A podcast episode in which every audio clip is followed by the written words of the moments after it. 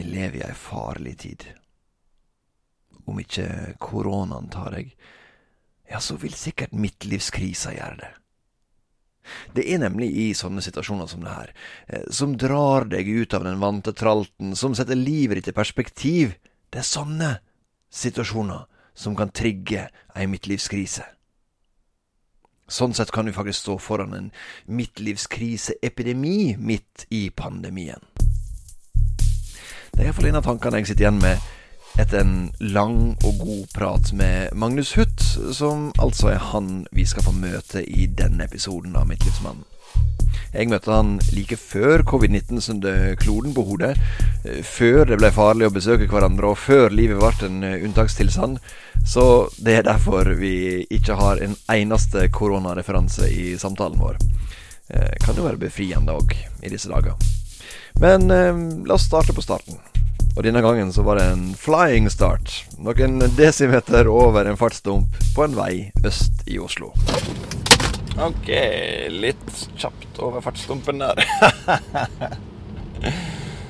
Nå er jeg på, på, vei til psykolog i min nye sportsbil. Jeg eh, bytta inn uh, sluttpakken i en bil. Jeg som da har uh, kjørt en Volkswagen Toran i årevis. En traktoraktig dieseldrevet familiebil. Så når jeg nå eh, har kjøpt meg eh, en Tesla modell 3, så føles jo det som en sportsbil for meg. Yes, Men jeg er altså på vei til eh, Magnus Huth, som er psykolog. Og det var en av gutta på fotballaget som jeg har spilt på, som eh, tipsa om at Magnus det kunne være en god fyr å snakke med når det gjelder midtlivskrise. Så sendte jeg han en melding, og svaret jeg fikk, det var altså Midtlivskrise som symbol på større eksistensielle spørsmål som dukker opp når vi går forbi livets peak, er nok et av favorittemaene mine. Så det her lover bra.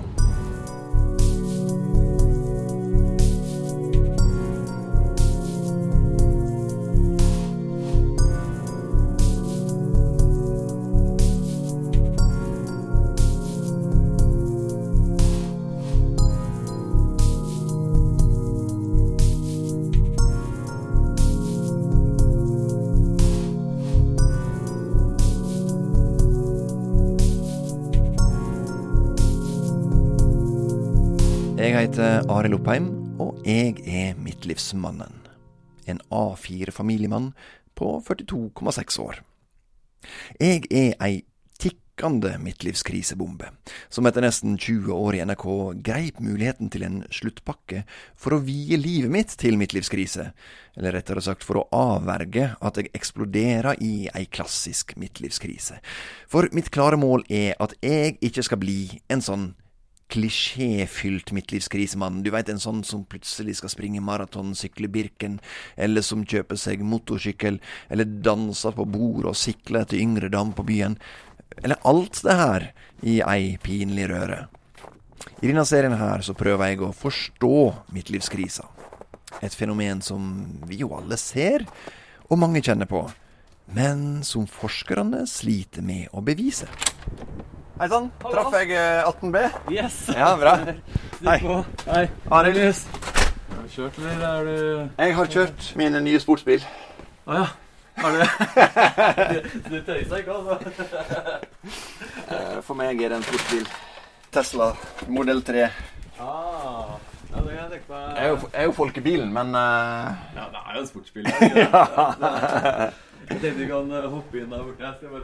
Og du får bli med når jeg møter eksperter på midtlivskrise.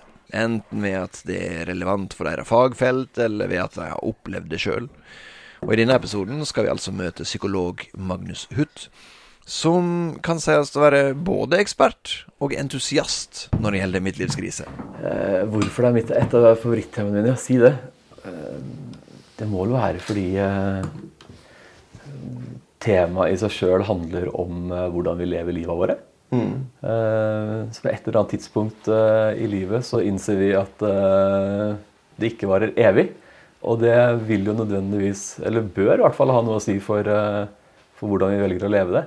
Og det, det syns jeg er eh, vanvittig kult og spennende. Så når du skriver 'midtlivskrise', så, så, er jo det noe som gir assosiasjoner til noe ganske mye mer banalt. på en måte, fordi da ser man for seg Eh, sånn som du snakker om med Teslaen din, og eh, eventuelt en sykkeltrikot, og eh, de tinga som handler om den typiske 40-årskrisa som man alltid har sett at både menn spesielt, men også kvinner går gjennom. Men når man ser litt sånn bak det, hva som egentlig kanskje er årsaken til den midtlivskrisa, mm. da begynner det å bli spennende. Magnus har vist vei inn i et hus med åpne løsninger og mye lys, og med gjenstander som avslører at det bor et relativt nyfødt menneske i dette huset her, i tillegg til de voksne. Og vi har satt oss ved spisebordet innerst i stova, med ferske croissanter og nytrakta kaffe. Magnus er 36 år. Han eh, jobba tidligere som psykolog i det offentlige helsevesenet, men for noen år siden så tok han en vending.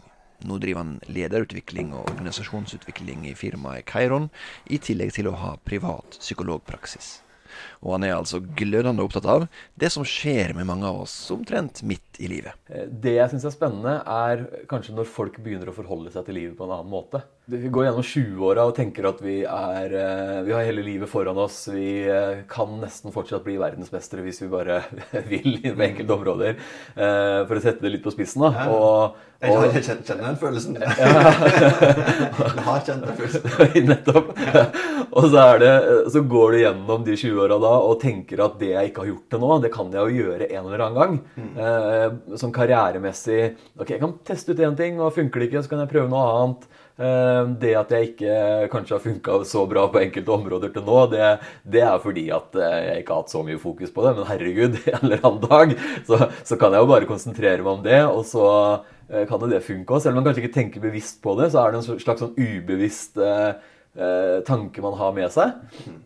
Ja, Man forholder seg egentlig bare til at man er litt sånn udødelig. Selv om man ikke tenker det, så er det det man eh, litt sånn ubevisst har med seg. Og så kommer man opp i 30-åra, og har man huet så langt inn, inn, i alt mulig av småbarnsstress eh, ofte, og andre ting. Så man, eh, man, forholder seg jo ikke til det på samme måte der heller. Med mindre det skjer noe eh, stort som i enten eh, at man mister noe nære, noen nære skilsmisse, eh, man mister en jobb eller går på en skikkelig smell og blir utbrent, eller at det skjer noe sånt.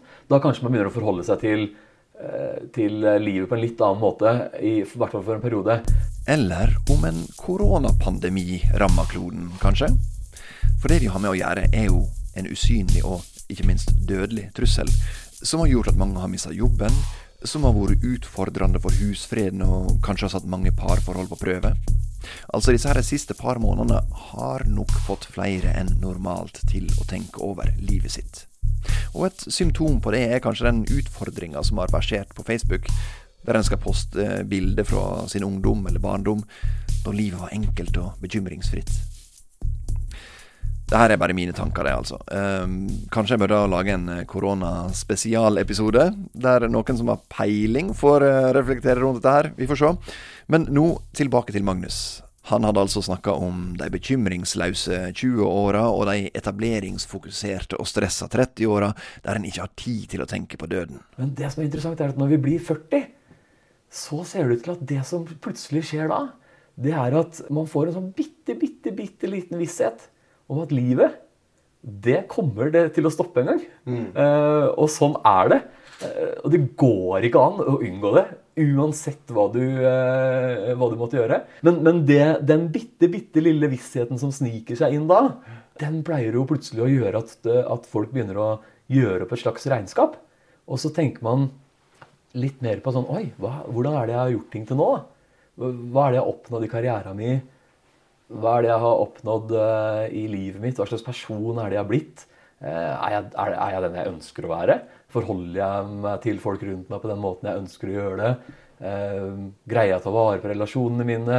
Så, så, eh, masse sånne spørsmål som, som dukker opp i, i mer eller større grad enn det har vært før. Og der tenker jeg at, den, at potensialet for, for, endring ligger. Og så er det jo eh, på det mest banale nivået, så kjøper man seg kanskje en Tesla eller gjør de tinga som man eh, tenker at ok, skal jeg gjøre noe som jeg gjør det nå? Ja. Eh, Men det interessante er jo når det her begynner å få konsekvenser for hva man gjør, og hvordan man lever, og eventuelt skifter en jobb hvis man tenker at nå har jeg vært lenge nok her, nå må jeg få testa ut noe nytt. Eller kanskje også begynner å tenke hvis jeg nå om eh, noen år skal se tilbake på livet mitt, kan jeg være stolt av den personen jeg har vært? Mm. Eh, og, og, det er kult. Det er jo et spørsmål som virkelig begynner å bli fascinerende. Og skummelt. Og skummelt. Som faen. Absolutt. og så blir man jo ofte 50, da, bare for å fortsette den litt til. Og da, da, er det jo Pappa sa det ganske fint nå for et par år siden. Eh, egentlig sånn rett inn i hvordan mange opplever det å, å, å gå utover i 50-åra. Ja, plutselig nå, Magnus, så har jeg liksom begynt å tenke at uh, tidligere i livet så har jeg alltid tenkt at ja, ok, hoppe i fallskjerm, det kommer jeg til å gjøre ja, en eller annen gang så kommer jeg til å gjøre det. Jeg vil liksom prøve ut den mm. veien her av karrieren, og det kommer jeg til å gjøre. Ja. Og plutselig nå så har jeg begynt å tenke at ja, det fikk jeg ikke gjort. nå har jeg blitt 60, da. Ja. Men sånn, øh, plutselig så innser man at man er jo over livets peak. Ja. Og øh, hvis man er heldig da, så har det noen konsekvenser for hvordan man, øh, hvordan man er. Og, og, det er kult. Mm. Heldig, sier han. Det er verdt å merke seg. Jeg som gikk inn i dette her prosjektet for å prøve å forhindre at jeg skulle få midtlivskrise. Og så aner jeg en holdning fra psykologen her om at det er bra om folk røsker litt opp i livet sitt midtfjords.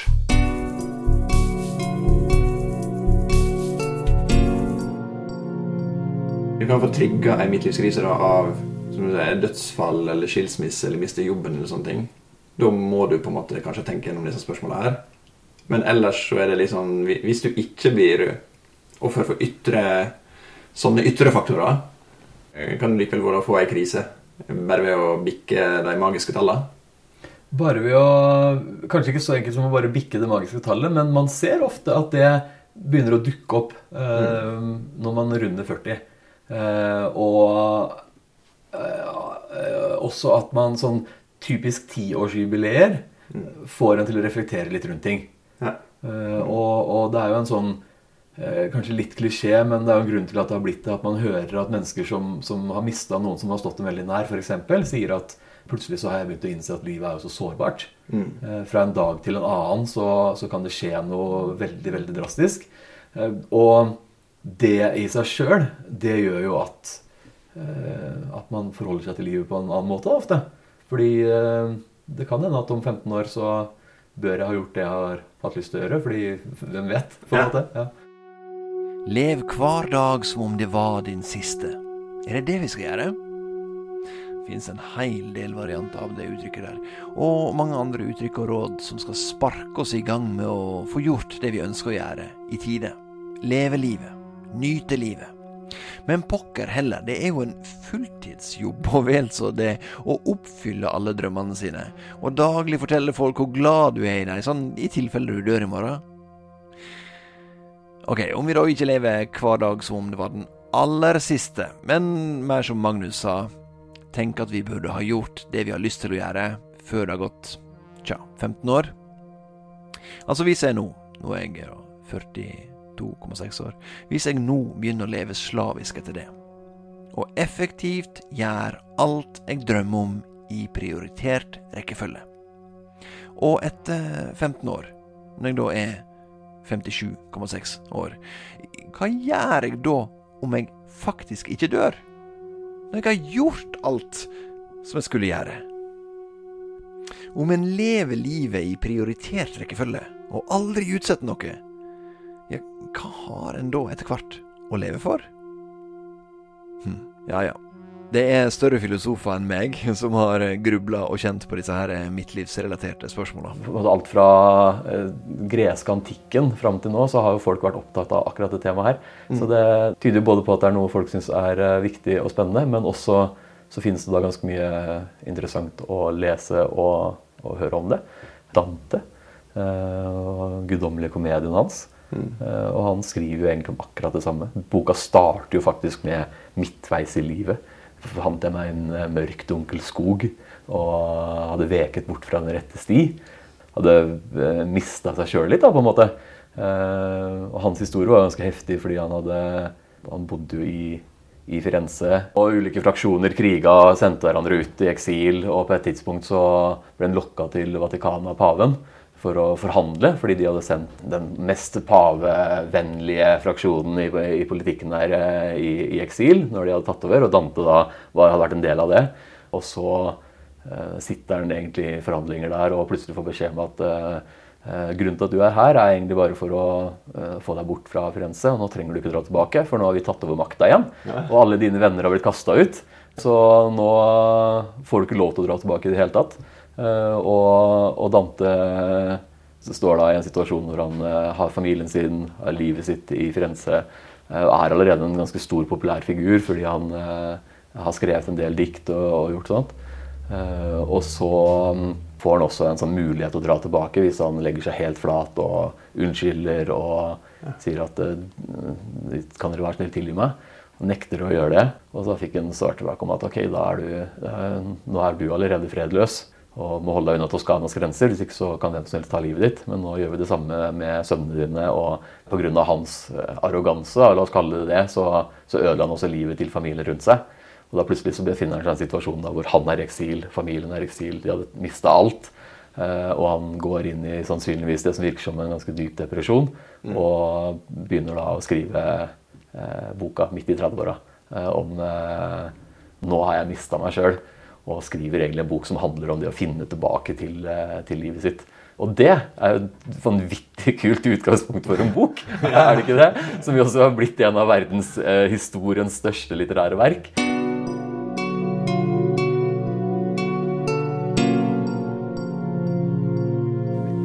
i det ønsket om å bli eh, en bedre person da, som gjennomsyrer den boka, mm. eh, hvis man forstår den fra en, en psykologisk eh, vinkel, eh, det tenker jeg er det fascinerende med, med la oss kalle det midtlivskrise. da.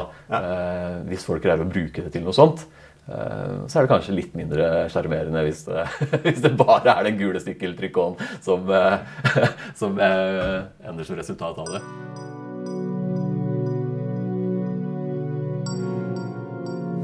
Jeg har en artikkel, Du har gjort en stor undersøkelse for uh, ti år siden ca. Mm. Som konkluderte med at eh, livskvaliteten er på bunn mm. for, uh, for, norske menn ved 43,9 år. Ja. Og så er det et år seinere eller noe sånt i Sverige og Danmark. sånn cirka. Men, og litt, litt, varierende rundt omkring i verden. Men kurven når bunnen med 43,9. Ja. Nå er jeg 42 år og 222 dager. 42,6 år. Har, Ganske så nøyaktig. Ja. Jeg hadde jo da vært i samme jobb i 18 år eh, før jeg tok en sluttpakke. Eh, har vært i samme forhold i eh, 28 år, som er veldig sånn typisk krisetidspunkt, er ikke det? Mm. Eh, jeg har en liten gutt på fire år trassaktig alder. Og den, eh, hans barndom har vært i et hus som har vært under kontinuerlig oppussing i seks år. Mm. Så det er, det er, ganske mange parametere som peker mot at eh, jeg er ei tikkende midtlivskrisebombe. Mm. Er det mulighet til å forebygge det? Å forebygge midtlivskrise, ja. Eller mislivskrise? Ja. ja, det burde vel være mulig. Men har du lyst til det?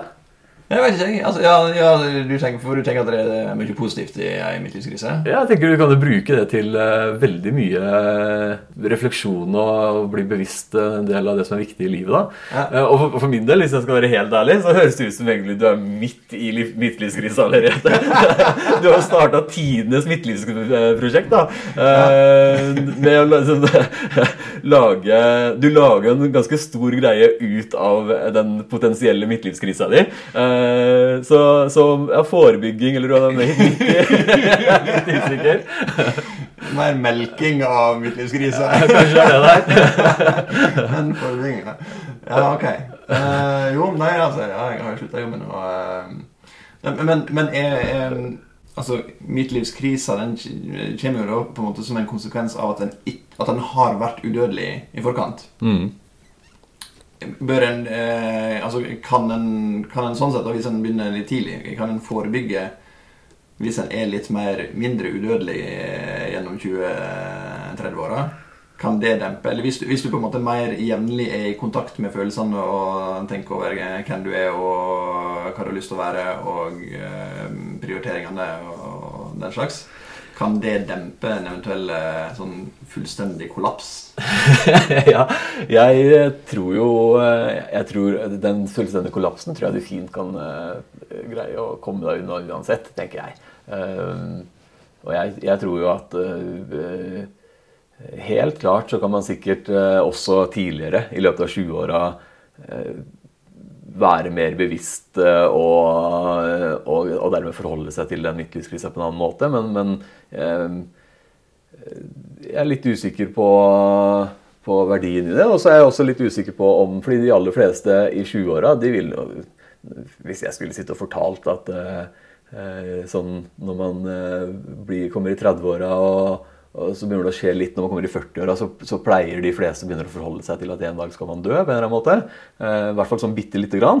Og, og, når man er 50, så begynner man å, å, aktivt ofte gjøre opp litt sånn regnskap. Mm. Så, så, skjønner jo ikke dem hva jeg De forstår jo på et intellektuelt plan hva man snakker om. Men, men, det er jo få som da virkelig forstår hva du mener. Eh, og det er jo noe helt annet å eh, det å snakke om det til, eh, til mennesker i 50-åra f.eks. De vil jo eh, intuitivt vite hva du, hva du, snakker om med en gang, fordi de aller fleste forholder seg til det. Ja. Eh, men uh, om det skjer noe i livet til de 20-åra, kanskje.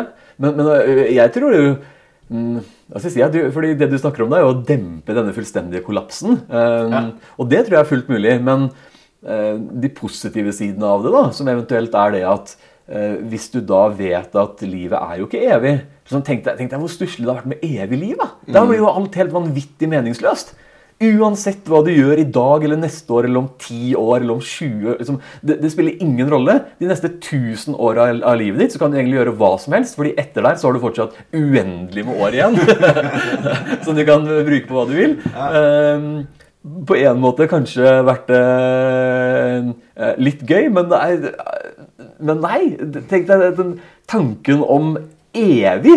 Eh, det, det, er helt, det, er jo helt, hinsides. Eh, og, og, det at man da har eh, en slutt å forholde seg til, det, det gjør jo at man er nødt til å, til å gripe tak i og bruke det man har, på en litt annen måte. Ja. Og den vissheten der, den tenker jeg jo er den, den veldig positive bieffekten av 40-års- eller midtlivskrise, eller hva vi nå skal kalle det. Hvis man greier å få opp den bevisstheten. Men hvis det er så positivt i en midtlivskrise Hvorfor er den så uglesett eh, sånn kulturelt, da? Det er jo et skjellsord. Ja, men det er jo pga. sykkeltrikonet, tror du ikke det? Fordi det blir en sånn herlighet. Hva er det som skjer der nå? Så ja, Det er jo kanskje også litt, to litt forskjellige ting. Sykkeltrikoten den eh, dukker kanskje opp pga. at man eh, Eller de, de, aspektene der, da, med, med Teslaen eller med, ja. Det dukker kanskje opp fordi at man også begynner å få muligheten til å Eh, få hodet litt over vannet etter Og Ha muligheten til å trene litt mer og muligheten til, økonomisk til å gjøre noe osv. Men eh, den er vel uglesett eh, på den måten mest pga. klisjeen som ligger rundt det, tenker jeg. da. Men, men eh, jeg har ikke noe klart svar på det. Men jeg tenker jo at Jeg hadde en kompis som eh, diskuterte det her med eh, bruken av ordet midtlivskrise ja. om andre. Ja. Han innrømte jo da at det handla egentlig kanskje ofte om misunnelse. Ja. Når han så noen som uh, hadde tatt seg den uh, friheten og, eller oppnådd det og kjøpt seg en motorsykkel og kjørt nedover, og han sitter der med ungene uh, og er stuck, yes. så er det Jævla midtlivskrise!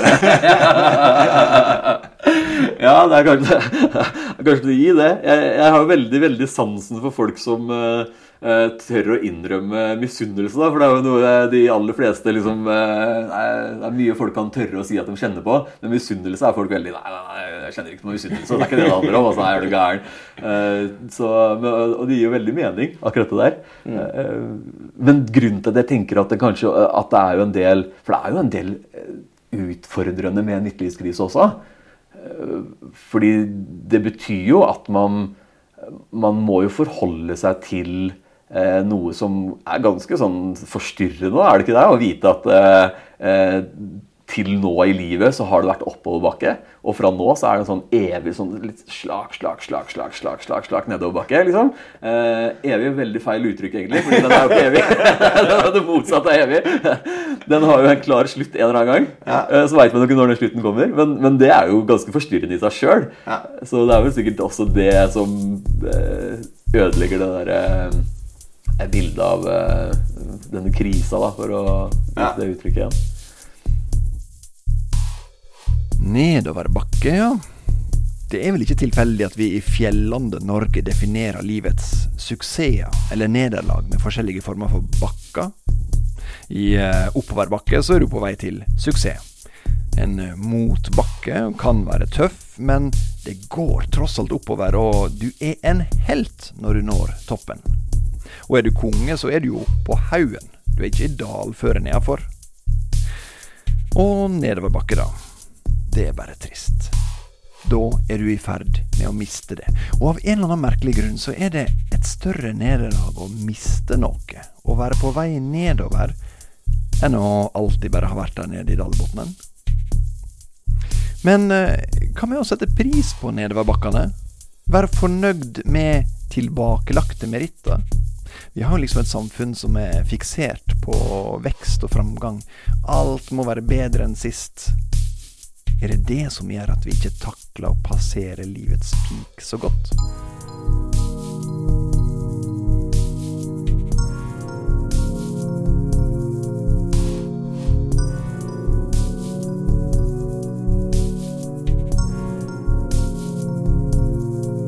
Det som har gitt meg utrolig mye tilbake personlig av å Eh, ha terapi med folk, er jo, er jo, de problemstillingene her. Og kanskje også spesielt eldre. Mm. Eh, mennesker som, eh, som, nå har begynt å miste en del av vennene sine.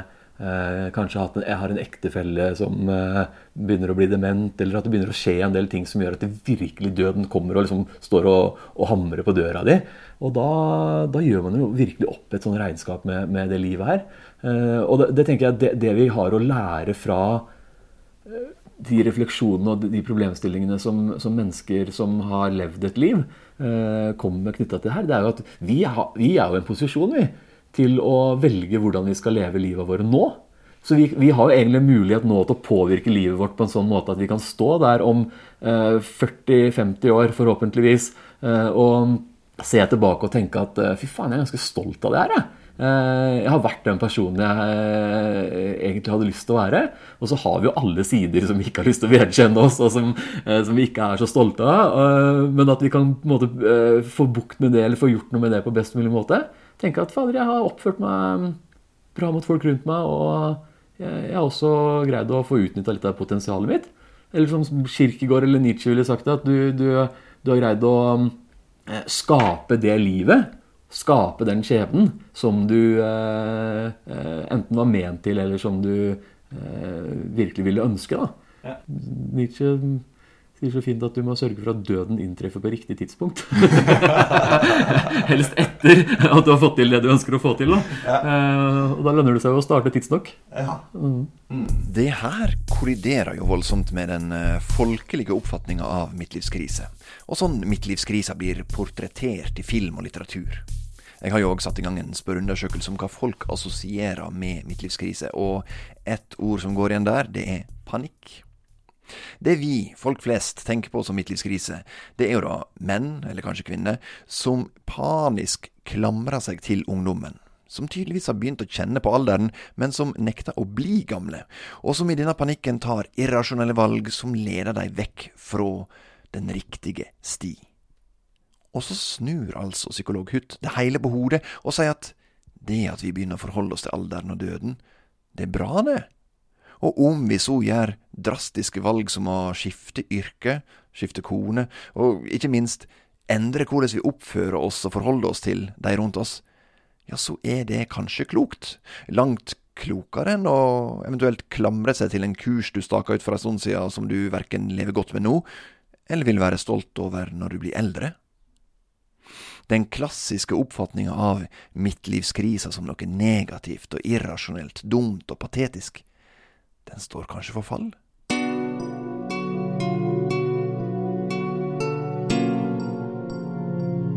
nå sier du at du tror jeg er midt i krisa, eh, så da er jo eh, Da har jeg jo på en måte For, for, for akkurat det er jeg litt nysgjerrig på. Hvordan veit du om du er i en midtlivskrise? Hvordan, hvordan starter den? Hvordan føles det? Liksom, er det et smell som regel? At ser deg sjøl i speilet og så wow, en dag? Eller er det litt sånn glidende følelse over tid, eller? Eh, det her er eh, ikke noe faglig svar, men det her er bare en sånn Um, egentlig hele den sessionen her så føler jeg at jeg er som, som en sånn ninja-blender. og da er det litt sånn egne erfaringer, en del fag og litt uh, historiske bøker og, sånn, og så kjører vi det sammen og så mæler vi ut et eller annet. Og det, det samme vil være med svaret her nå, men jeg vil tro det er begge deler. Um, um, og så tror jeg også at vi, når vi snakker om midtlivskrise, så høres det så veldig sånn konkret ut. Det høres ut som det er noe som man liksom sånn Ok, nå kan man åpne opp en dør, og så går man inn i vitneskriserommet, og så, så, opplever man alt det man opplever der, og så kan man liksom gå ut igjen forhåpentligvis på andre siden og ha lært litt. Uh, men jeg, jeg, tenker jo det, det midt, begrepet midtlivskrise det handler vel mer om sånn, at vi mennesker vi har et ønske og et behov for å Eh, sette navn på ting og konkretisere ting og gjøre ting til en sånn forståelig greie. Eh, og jeg tror det er mye mer abstrakt enn som så. Eh, om man vet om man er i det eller ikke, tror jeg, jeg tror hovedpoenget er hvis man begynner å forholde seg til livet. Jeg tror kanskje Det, det, det er jo den mest positive bieffekten av det. I hvert fall. Og, og idet man begynner å gjøre det på en god måte, ja, da, da tror jeg kanskje du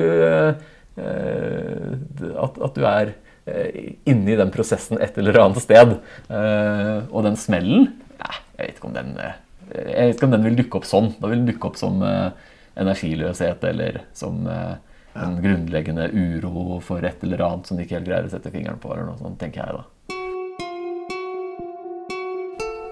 Som du sier, altså, Midtlivskrise er ikke et rom du går inn i. Det er ikke et veldig konkret det er ikke en veldig konkret ting. Det er jo et, et, altså, Jeg oppfatter det som at definisjonen av midtlivskrise kan være ganske forskjellig fra, altså, i psykolog, psykologi, økonomiforskning, eh, i kultur, litteratur, i, i, folkets oppfatning av det. Definitivt.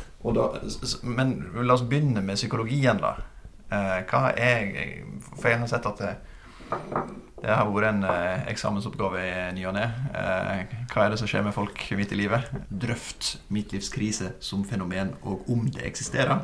Den siste der var liksom sånn der Hæ? Eksisterer ikke midtlivskrise? ja, nettopp. Men det er jo egentlig, da har vi jo spott inn på eh, det vi har snakka om til nå. da. Eh, eksisterer midtlivskrisa? Eller er det et begrep vi bruker for å for, for, å forklare andre menneskelige fenomener som dukker opp i midten av livet? Jeg har definitivt ikke noe klart svar på det. Eh, men det vi vet, er jo at eh, folk har vært opptatt av det her i all tid. Så sannsynligvis så, så, finnes det jo noe der som folk både er opptatt av, og som gjør noe med oss i løpet av livet. og alt fra fra epikurerende som snakker om døden og dødsangst, Eh, til eh, via Eriksson som snakker om eh, identitetsfaser vi går gjennom i løpet av livet, til Eh, ta uh, A Christmas Carol til Charles Dickens. Eh, når Mr. Scrooge eh, besøk, får besøk av spøkelsene, og han plutselig ser seg sjøl både i fortiden Uh, og, og, i nåtiden og i fremtiden gjennom disse spøkelsene da, som, som, viser disse synene og han plutselig innser at hvis jeg fortsetter å leve livet mitt sånn som jeg gjør nå, så kommer jeg til å være en ensom sjel som, som folk egentlig ikke bryr seg om går bort engang. Uh, så nå må jeg jo liksom virkelig endre det. Liksom det, er, har, det, er, så mange eksempler da, i litteraturen. Mm. og at definitivt så må det jo være et eller annet der. Men hvis vi skal drøfte fra et faglig psykologisk standpunkt, da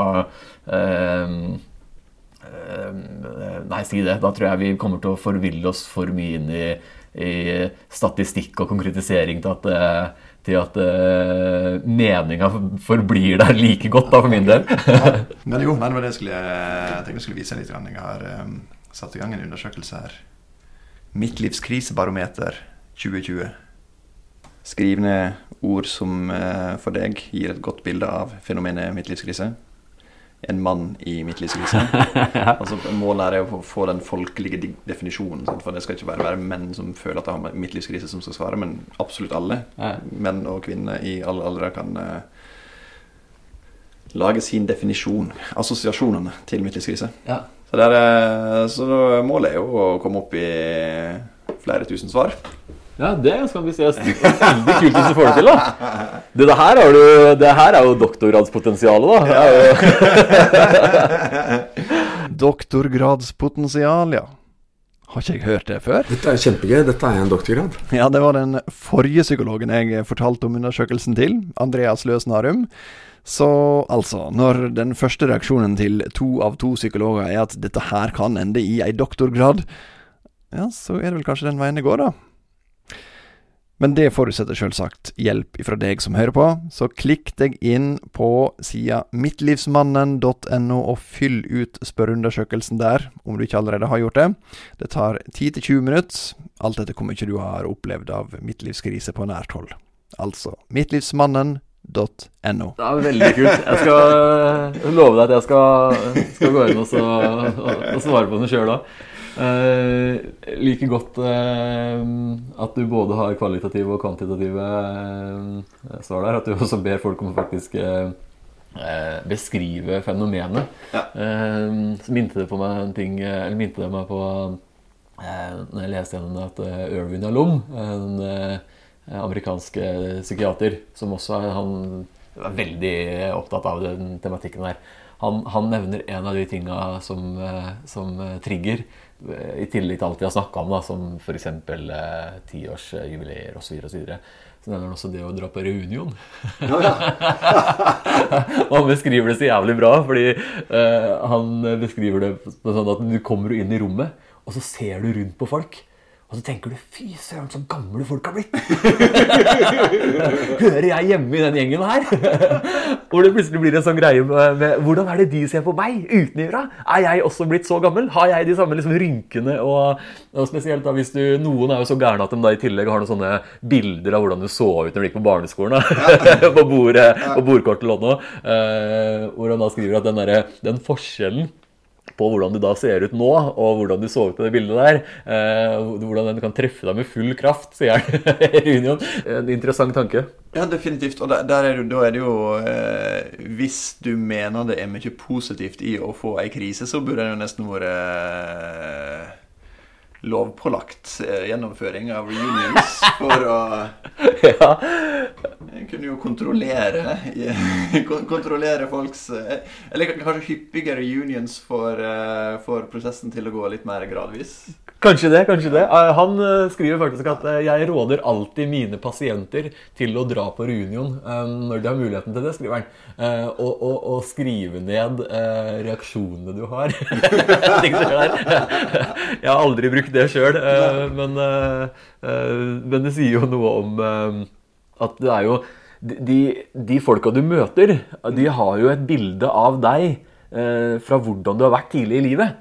Eh, og, og det i seg sjøl er jo ganske interessant. da Så de er jo sånn eh, Milan Kundera ville, ville ha beskrevet det Han beskriver det som at det er sånn folk du har kjent lenge, er som eh, speil til fortiden din. Eh, hvor du liksom, de er med på å opprettholde sånn kontinuitet i selvforståelse og selvfølelsen. Fordi de ser deg på samme måte som det eh, de har sett deg tidligere. Eh, og, og gode venner man har hatt lenge, vil også da integrere det med hvem du er per, per i dag.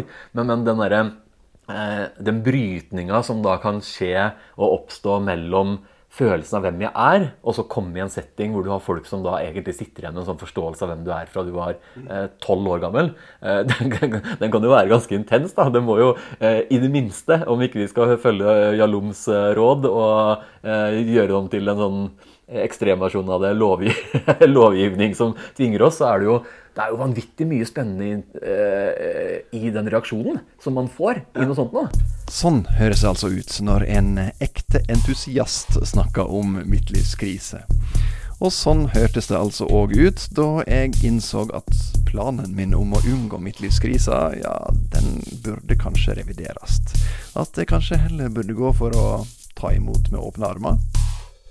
Om psykolog Magnus Huth har observert riktig, så vil det uansett være for seint for meg å prøve å avverge noe midtlivskrise, for jeg står tydeligvis til med krise til knes allerede. Og for å unngå den følelsen som faren til Magnus hadde fått da han opplevde at alt gikk ifra 'det skal jeg gjøre en gang' til 'nei, det fikk jeg ikke gjort'. For å unngå det, så skal jeg nå gå systematisk til verks med ei bucketlist. Ei prioritert oversikt over det jeg har lyst til å gjøre mens jeg kan. Og det skal du få høre mer om i neste episode av Midtlivsmannen.